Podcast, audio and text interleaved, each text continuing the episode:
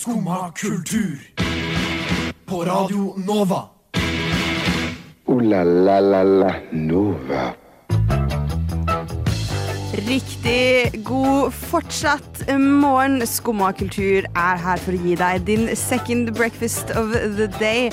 I dag skal vi prate om to nye spill som du kan spille denne uken. Og ikke minst skal vi få høre et intervju med the woman, the legend, Susanne Sundfør. Som vi har vært så heldige å få ha besøk av her på Radio Nova. Vi gleder oss masse, masse til det. Men aller først skal vi starte med litt god, behagelig musikk. Vi skal til Tennessee, og vi skal høre The Montvals med 'Woman of God'. Skummad kultur. Varje.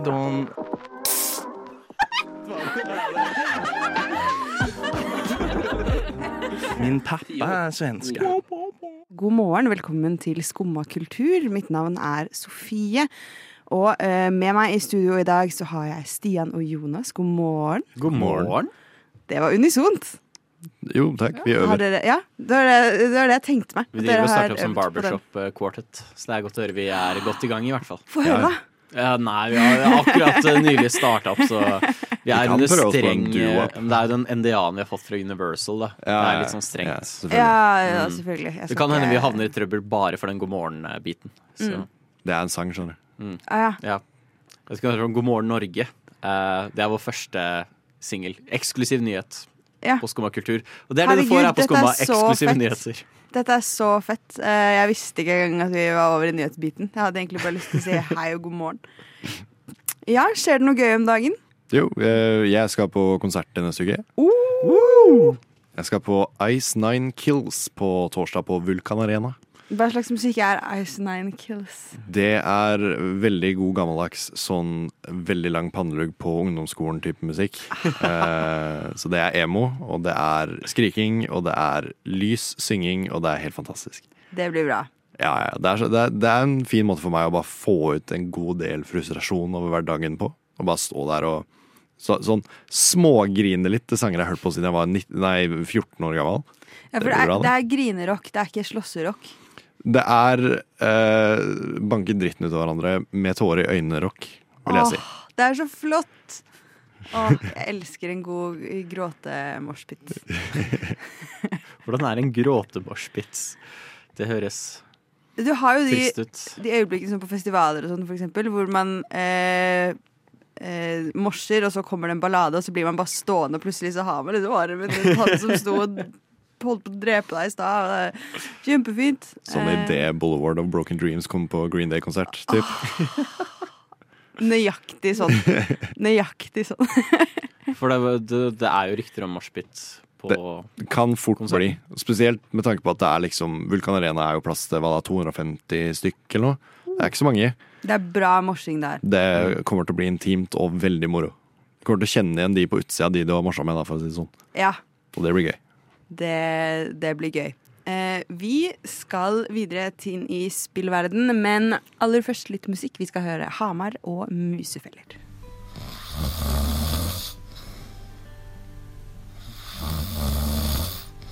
Hæ? Har du ennå ikke stått opp? Nå er det jo skumma kultur. Alle hverdager fra ni til ti. På Radio Nova. Jeg må innrømme at jeg ikke er så inne i spillverden. For min del begrenser det seg litt til Sims og uh, Candy Crush-lignende spill. Og jeg kan ikke tro du glemte ditt Magnus Opum. Go supermodell. Ja! det er sant. Det er ikke et spill. Det er en, et univers, et liv, liksom. OK, vi må videre. Eh, men i dag så skal vi snakke om to spill, og jeg gleder meg veldig til å høre. Dette er to spill som kommer ut eh, denne uken. Ett i går og ett i morgen. Ja, stemmer. Eh, og vi skal starte med ett av dem som dere skal få lov til å uttale, til og med. Det heter eh, Xenoblade Chronicles 3. Fordi det fikk ny DLC i går natt til i dag, egentlig. Hva er en DLC? Rett og slett eh, ekstra pålegg. litt tillegg. Oh. Eh, så du, kanskje det er noe mer historie, eller du legger til noen flere karakterer som på en måte får være med i spillet. OK. Fett. Så forkortelsen downloadable content. ah, Yes. Tøft. Så det som rett og slett, hvis jeg skal gå veldig kjapt i det Tre spill. Eh, det første spillet tar plass i ett univers. Eh, spill nummer to tar plass i eh, et annet univers. Tredje spillet tar plass i de to universa sammensatt, på en måte. Og så gir de aldri noen egentlig forklaring på hvorfor det skjer, før DLC-en som kom ut i natt. Så For så dette er har de- liksom knyter sammen historien, Det er nettopp det. Og du kan spille som de to hovedpersonene fra de to forrige spillene, fordi de har liksom også kommet inn i det universet. Og jeg blir veldig engasjert, fordi jeg elsker de spillene. Jeg har spilt de i mange, mange år. Um, jeg hadde Xenoblade uh, det første på Wii. Mm. Eh, På Wii? På Wii, ja. Så det er, det er fra typ sånn 2008, tror jeg. Det er, det er drittgammelt. Um, og nå kommer jo da DLC-en på treeren ut som liksom tar tilbake da Shulk Oi, Shulk fra det første spillet og Rex fra spill nummer to. Ja. Så det blir eh, Det blir uh, mye Jeg kommer til å sitte sånn smågrine mens jeg sitter hjemme og spiller. Jeg gleder meg som unge. Det er god følelse. For jeg har spilt eneren. Jeg likte veldig godt eneren, og så har jeg sittet og vurdert Jeg har ikke gjort ferdig eneren ennå, så jeg må få gjort det. Og så har jeg vurdert de andre. Det anbefales, skjønner jeg da. Anbefales på det sterkeste. Toeren har eh, en av de kuleste gaming mechanics jeg har sett på, på lenge. Jeg, jeg, det er lenge siden jeg har vært så hekta på et spill som jeg var på toeren.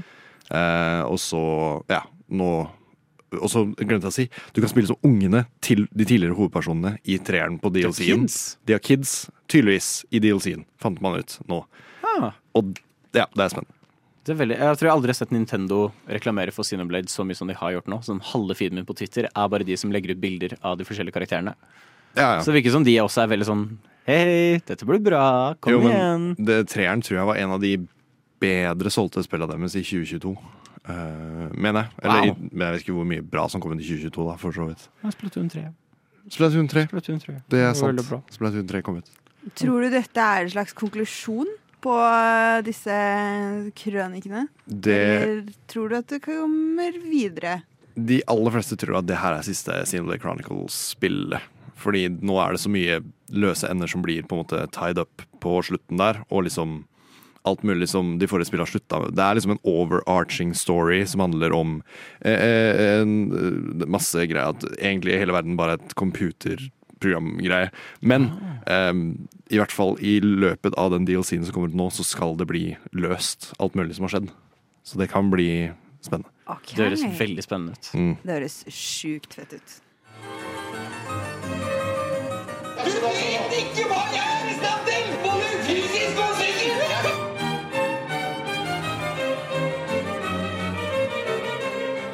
Skumma kultur. Hver hverdag på Radio Nova. Oh, det var 'Dancing the Conga' med 'I Carry My Umbrella Like a Gun'. Eh, vi kan mimre litt tilbake til Novafest i helgen, hvor de spilte. Det var fantastisk. Det var helt nydelig.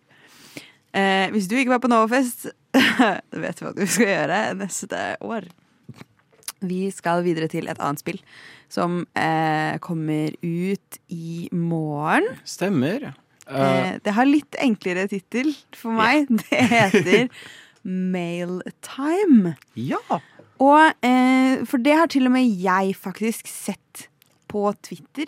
Å, du har Fått opp i feeden min på Twitter. Det er gøy. Eh, så det er noen algoritmer som ikke jobber som de skal der, for å si det sånn.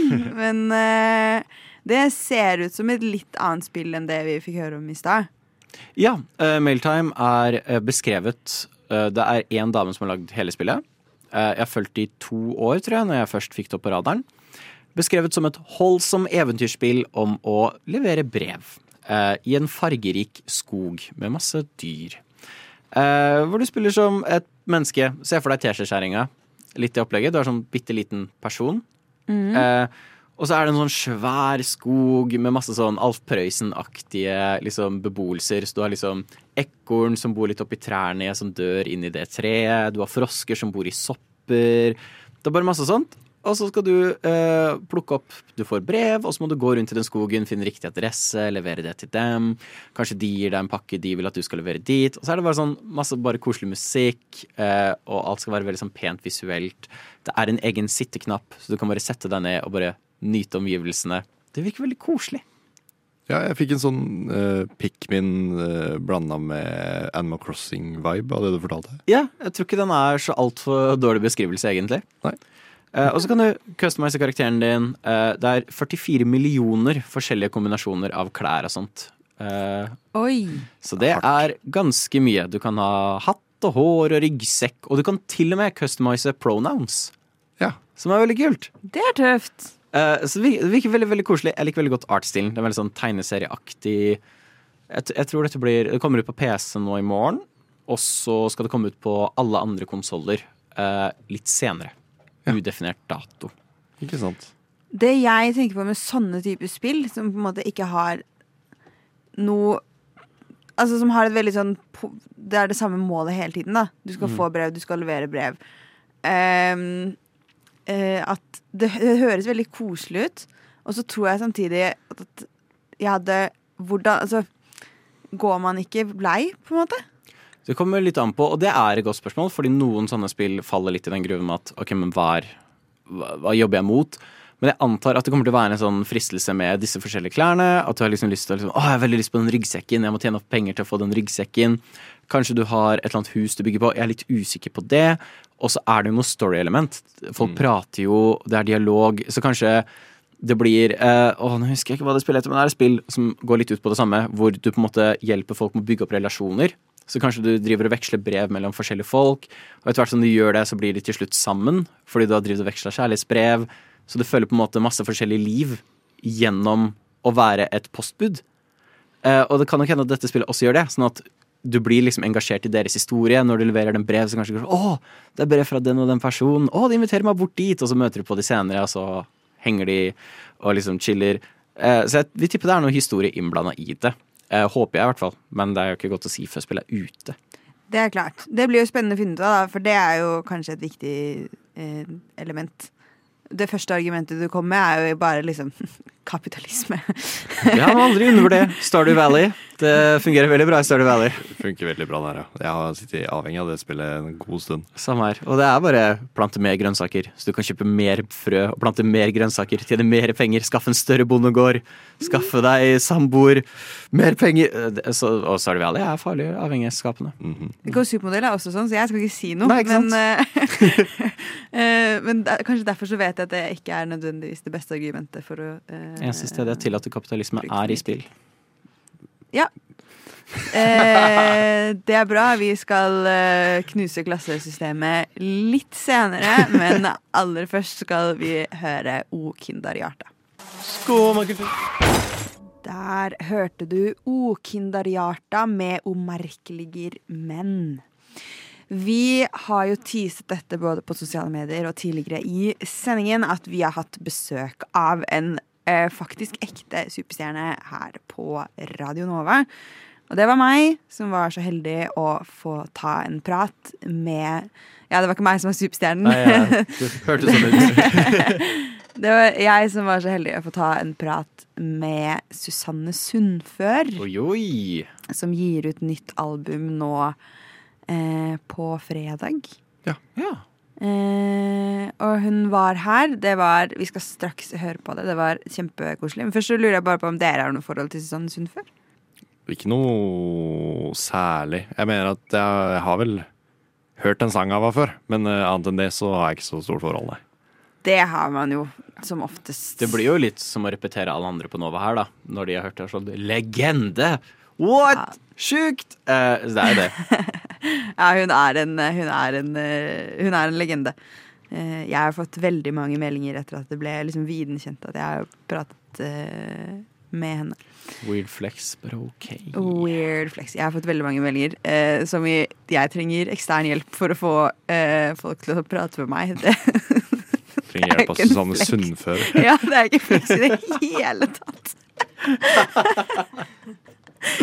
Men vi skal eh, rett og slett bevege oss over til å faktisk høre på praten med Sonny Sundfør. Men aller først så skal vi få høre en av singlene fra albumet som kommer på fredag. Vi skal høre låta eh, Alyosha, og så får du høre eh, praten mellom oss. Radio Nova. Nova.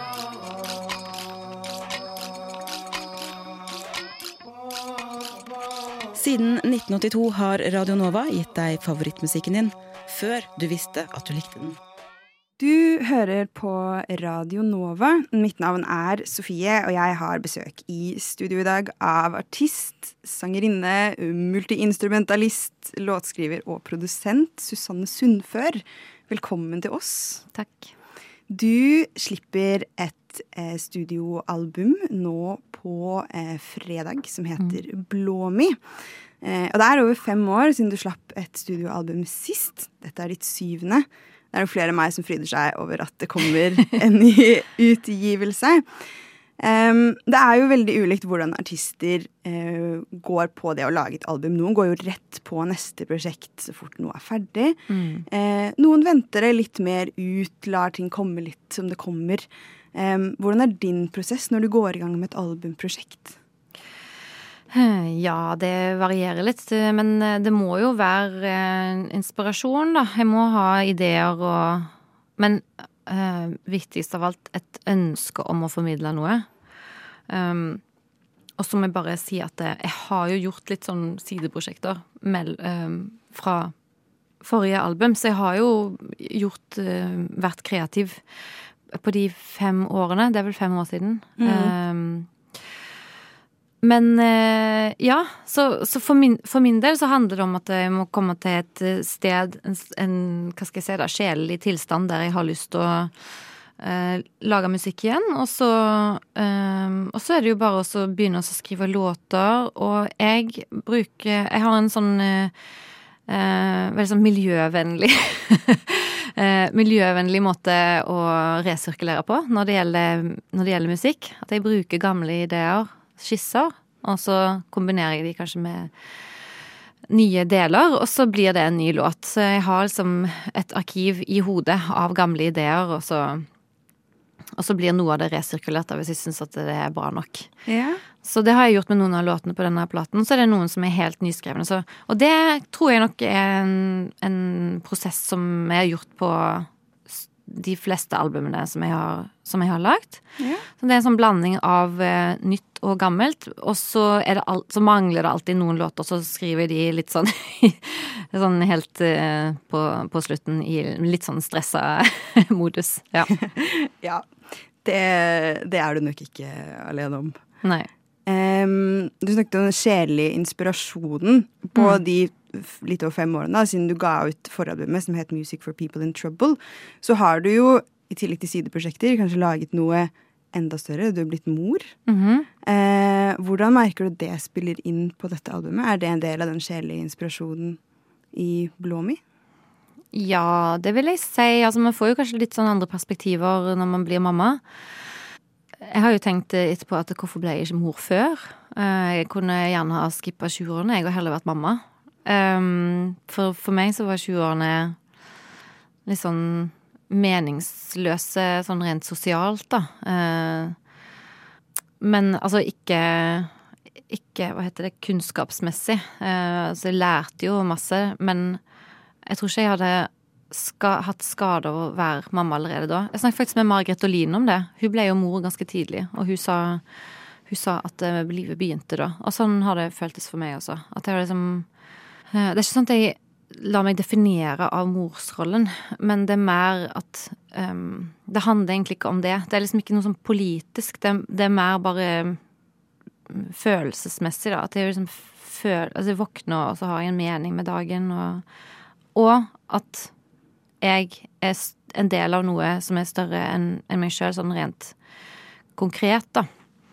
Så øh, Men jeg, jeg tror nok ikke Altså jo, kanskje så har det gjort meg litt mer spirituell, men det handler også litt om at jeg har søkt Altså, jeg har lest ganske mye Jeg begynte å lese mye når jeg ble gravid, og så har jeg lest ganske mye etterpå om eldre religioner. Liksom, hvor kommer religion fra? Um, og, og jeg har også lest en del om um, um, hvordan vitenskapen har eh, blitt redusert til en sånn reduksjonistisk eh, tankegang, spesielt i liksom, offentligheten, da, og det vi leser om i media, at det, det er ikke nødvendigvis um, framstille der f.eks. Um, astrofysikken er i dag, da. Eh, sånn cutting edge-forskning. Så jeg syns det er veldig interessant at det, det finnes fysikere og astrofysikere og eh, nevro etter det nevrofysikere. Jeg sier sikkert alt feil. Jeg har ingen utdannelse. Bare... Det høres bra ut for meg. Okay, jeg har heller takk. ingen utdannelse. Ok. da er vi i samme båt. Um, men eh, det, det virker Det virker for meg som at det finnes mange forskere der ute som, som har ganske sånn far out there-teorier for oss, da.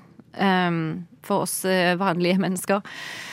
Uh, som kanskje ikke blir formidla så mye i, i media og i offentligheten, da. Um, så, så, så der har jeg nok eh, Der har det kanskje blitt våkna opp noe mer sånn spirituelt, i mangel av bedre ord, da. Egentlig bare en sånn kosmisk nysgjerrighet. Jeg, jeg syns det, så- det, det er så stigmatiserende med en gang vi sier spirituell, for det er sånn Å ja, du er litt sånn new age, du. Mm. Eller hvis jeg sier uh, at eh, jeg har blitt religiøs. Å ja, du har blitt kristen. Eller du har funnet en eller annen spesifikk religion. Men det har ikke vært sånn for meg. Det er mer en sånn større eh, Større kosmisk uh, nysgjerrighet. Ja. Mm. Ja, og uh, blåmi, det betyr jo blomst på islandsk, altså tittelen på albumet. Men det er jo uh, for deg, tror jeg, henta fra norrønt. Ja. Eh, og det samme er mange av titlene på albumet. Mm. Så det er jo en mytologisk tilknytning Mm. eh, på dette albumet som er veldig tydelig. Eh, og kanskje også en naturtilknytning. Ja. For, for min del så har musikken din alltid hatt en sånn naturlig naturtilknytning. Jeg har ikke helt klart å sette fingeren på akkurat hvorfor, men du er en av de artistene jeg søker meg til hvis jeg f.eks. er på fisketur, Å, så fint. sover alene i skogen en natt. Da hører jeg gjerne på Gjør du det? din. Ja. Drar du på telttur alene? Eh, Hengekøye. Tør du det? Eh, rett oppi Oslomarka oppi her. Eh, nærhet til T-banen. Øyungen, eller? Eh, Okklungenvannene pleier jeg å dra til. Jeg kjenner bare til Øyungen. Veldig fint. Får aldri fisk, da, men eh, Men du tør også å dra opp og så sove alene? Mm -hmm. det sånn, Måtte du trene på det? eh, første natta var kjempeskummel. Ja. Eh, men det har blitt bedre. Ja. Eh, det er en litt sånn treningssak, og nå er jeg blitt veldig glad i å være alene ute i skogen. Mm. Eh, men da er jo musikken din eh, har på en eller annen måte blitt et sånn naturlig eh, musikalsk ting å søke seg til da, når jeg gjør det. Og jeg føler at på Blåmi så kommer kanskje den naturtilknytningen enda tydeligere fram i det du har laget. Er det noe som du også henter inspirasjon fra når du lager musikk? Ja. Jeg er nok ulik deg. Jeg har et annet behov i naturen. Jeg, snakket faktisk med en, en venn om det forleden dag. For noen år siden så prøvde jeg på den der teltturgreia. Men eh, da var jeg med, med kjæresten min, da. Så jeg var ikke helt alene. Men jeg følte på en sånn en sånn enorm tomhet. ja. Um, ikke sånn Jeg var skikkelig skuffa, for jeg trodde liksom åh, nå skal jeg bli i ett med omgivelsene og skal virkelig kjenne på Jeg er jo kjempeglad i naturen og har jo alltid vært opptatt av miljøet og har liksom vært med i Regnskogsfondet fra jeg var tenåring. Men for meg så var det liksom Det ble så øde. Jeg følte ikke at jeg hørte til det. Så var jeg sånn Hvor er alle dyra? Uh, altså, det er jo masse dyr der, men jeg så ikke de dyra jeg ville se. og så, så jeg snakket med en kompis om det at eh, Tanken om uh, Altså, hvis jeg hadde vært i, eh, i telt på en gård, eller på en seter, der det er andre mennesker, og det er dyr, det hadde vært fantastisk for meg. Det er det ideelle. Ja, fordi da, ikke, da føler jeg ikke at jeg er alene. Jeg tror jeg er for sosial, rett og slett. Jeg har, fått, jeg har sånn veldig merkelig sosialt behov. Jeg, jeg liker å være rundt folk, men jeg liker å være for meg sjøl. Men jeg liker liksom å føle at jeg er en del av en flokk, da. Ja. Um, så, så Men ja, det var en liten eh, avsporing. Um, jeg tror absolutt Altså, et, et av um, altså, To av hovedinspirasjonene til denne platen er daoismen. eh, Mm. Som New Age-folk er jo veldig opptatt av. Mm. Uh, og så er det um, den minoisk-kretiske kulturen. um, som morfaren min forska mye på. Han var Ah. lingvist og teolog. Um, daoismen er jeg opptatt av fordi uh, det er en av de få liksom, verdensreligionene Det kan godt være jeg tar feil her, men så vidt jeg har skjønt, så er det en av de få verdensreligionene som er ganske tett tilknytta til animistiske religioner. For daoisme er basert på kinesiske folkereligioner, og de var animistiske, visstnok. Animistisk. Ja, det, det betyr at det Ja, nå spør Nå, nå er jeg ute på eh, ja, ukjent eh, farvann. Tilbake til ting ingen av oss har en utdannelse i. Hva sa du? Tilbake til ting ingen av oss har en utdannelse i. Eh, men altså, så vidt jeg har skjønt, så handler det om en sånn en, en naturreligion, da, som man ofte ser i mange, blant mange folk som, som lever i pakt med naturen, kanskje mer enn det vi gjør i det moderne samfunnet. Ja. Og at de ofte De gir um, liksom alt fra steiner til uh, fugler, dyr. Alle har en sjel, da. Så for eksempel, jeg tror aboriginerne mener at eh, steiner har sjel, og du, det er veldig tabu. Du skal være veldig forsiktig med å flytte på steiner. Det er kjempefascinerende. Um, men iallfall, daoismen er nærmere de religionene enn eksempel kristendommen og de monoteistiske religionene som oppsto i Midtøsten, bla, bla, bla. Um, så, så jeg syns det er veldig interessant med daoismen at den er så opptatt av balanse. Og det føler jeg er et utrolig viktig prinsipp innenfor miljøaktivismen også. At vi uh, Det viktigste er jo at vi, vi klarer å opprettholde en slags balanse i naturen. Da. Det føler jeg er liksom nøkkelen. Eh, og så syns jeg også det er veldig fint det her med tanken om det maskuline og feminine uh, som balanserer ut hverandre, at det er liksom motstridende krefter. Det paradoksale i, i, i verden. Det syns jeg er utrolig vakkert og resonnerer veldig med meg da, i den religionen. Um, og så det minoisk-kritiske samfunnet uh, er, så vidt jeg har skjønt, mest sannsynlig første, den første europeiske sivilisasjonen. Så, så europeisk sivilisasjon begynte med minorene. Og den kunsten som de etterlot seg, vi har ganske mye av den, og den er veldig sånn leken. Og mye dyremotiver. Mye sånn De, de har tydeligvis vært opptatt av frodighet og um, uh, liksom uh, det, er veldig fargerikt. De bruker mye sånn sterke farger. Og mye kvinner. Ehm, og så har jeg hengt meg opp i et, um, et rom som de tror er et slags sånn um, tempel for menstruasjon. Altså kvinners Ja, kvinn, kvinnens første menstruasjon. Uh, og da har du bilde av en jente som, som plukker safran. Um, krokusen. Fordi safran var en sånn viktig vare på Kreta på den tida. Og så gir hun det til det som de tror er en gudinne, og hun gudinnen sitter med en sånn apekatt og en fugl. Det er veldig kult. Nesten litt sånn Harry Potter-aktig. Um, og så uh, Også bak, vi, videre bort i den fresken, da, så er det en eh, portal der det renner blod ned fra portalen. Så, og det er liksom Så, så, så de, de, er ganske enige om at det, det rommet handler om menstruasjon, da. Ja. Så, så, så kvinnen har hatt en ganske viktig rolle i det samfunnet. Om det har vært matriarkalsk, eller om de bare har vært um, Eller om de har hatt liksom ja, man, man vet ikke helt det, det, er veldig sånn mystisk hva som egentlig har skjedd der, og hvordan samfunn de egentlig har hatt. Men det ser ut som det har vært ganske egalitært. Uh, og ikke så hierarkisk, iallfall i de tidligere periodene. Så det har vært kjempeinspirerende for meg, fordi jeg syns det er en sånn positiv Det, det er veldig mye eh, negativitet rundt eh, liksom vestlig Vestlig Det vestlige samfunnet, da og alle, alt det jævlige som har blitt gjort gjennom eh, koloniseringen av andre steder. Og Europa har gjort uh, mye forferdelige ting, men vi har en sånn fortid. Så for meg så, så syns jeg det er noe sånn optimistisk med det. At det, det finnes en kjerne i europeisk kultur som var kvinnehyllende, naturhyllende og eh, likestilt, eh, leken. Um, og kanskje det, kanskje det er et sted å ta inspirasjon fra, da. Ja. Det høres jo veldig kult ut. Jeg tror man hører det på albumet også, at det har en, eh, en tilknytning til noe sånn. Du har jo også valgt å gå litt mer eksperimentelt Mm. inn i noen av lydsporene. Det er ikke bare eh, ti sanger eh, Altså ti låter som man kanskje er vant til å høre et album. Noen av sporene tillater deg å eksperimentere mer med eh, elektro elektroniske virkemidler, men som eh, absolutt høres eh, nesten litt sånn ut som musikk fra en slags eh, eh, fortid, da. Mhm. Har en, eh, en veldig tydelig tilknytning der. Ja. Jeg tror man hører det veldig godt på, på dette albumet også.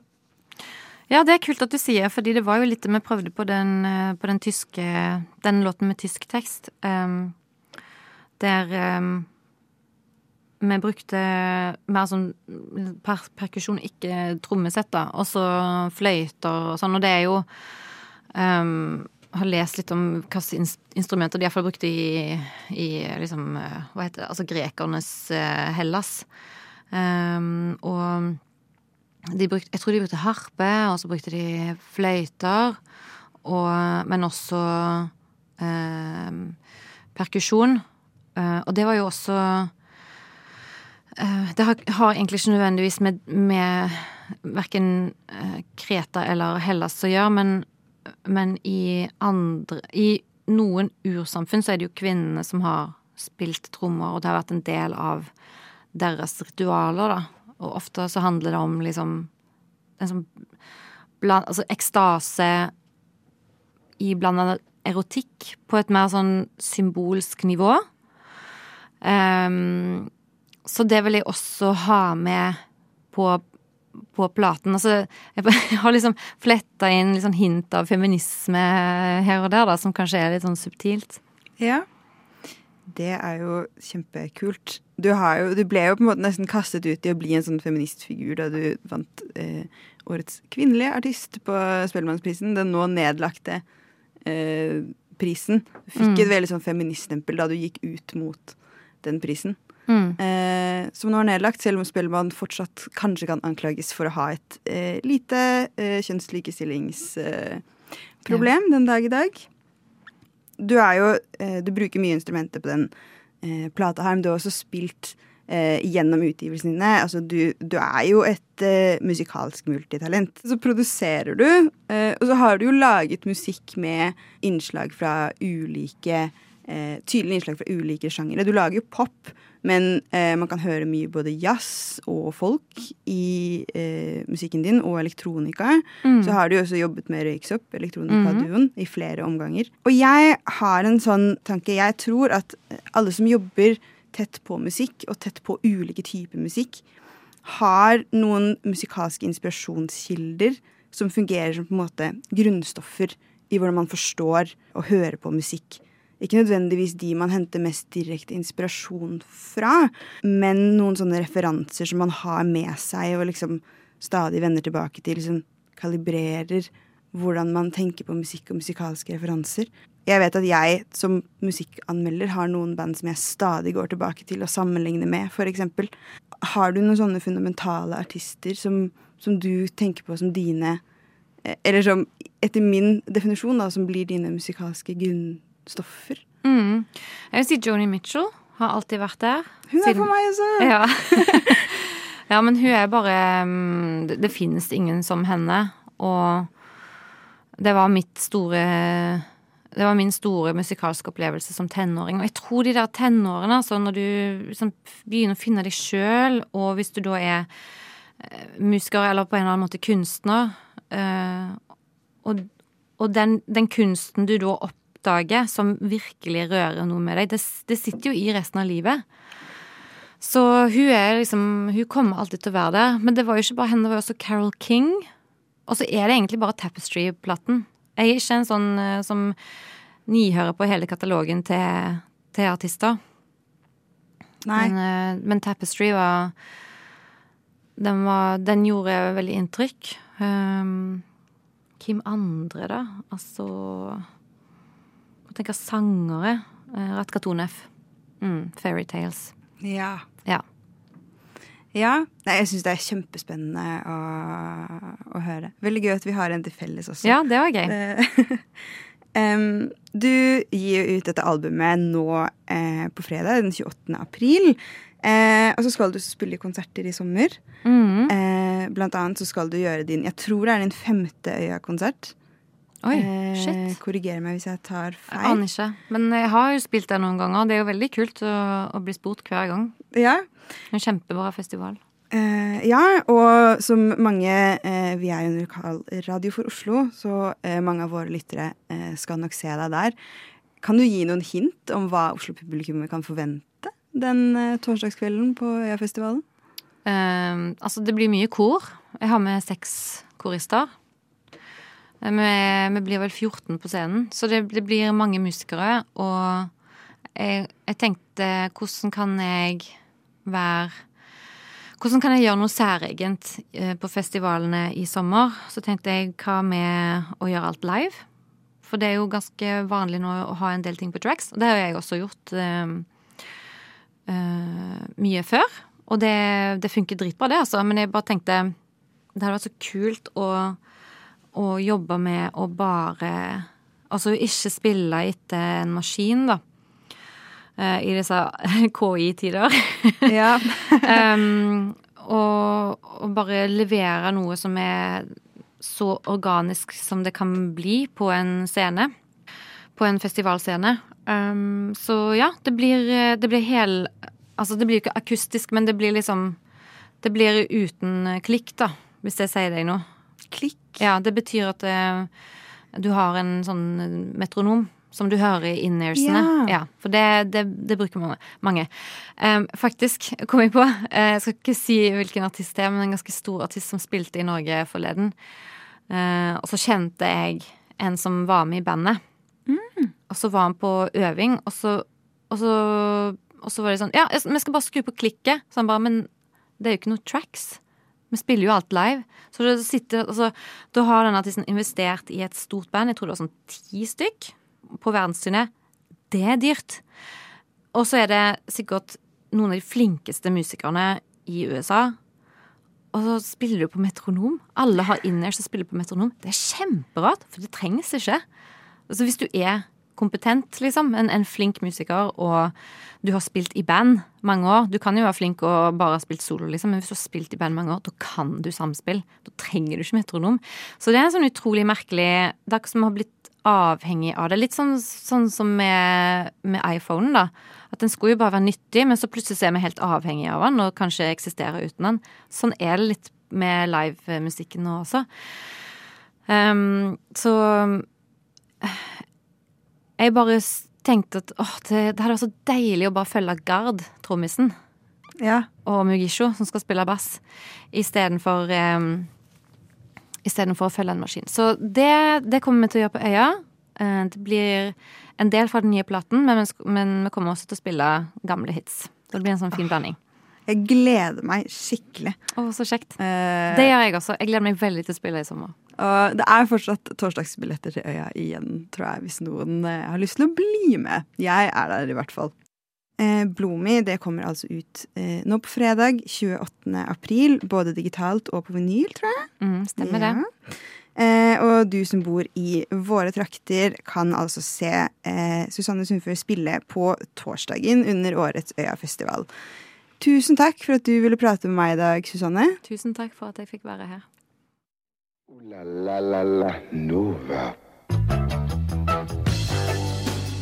Ja, det var altså et intervju med selveste Susanne Sundfør. Eh, takk for at du har hørt på Skumma kultur i dag.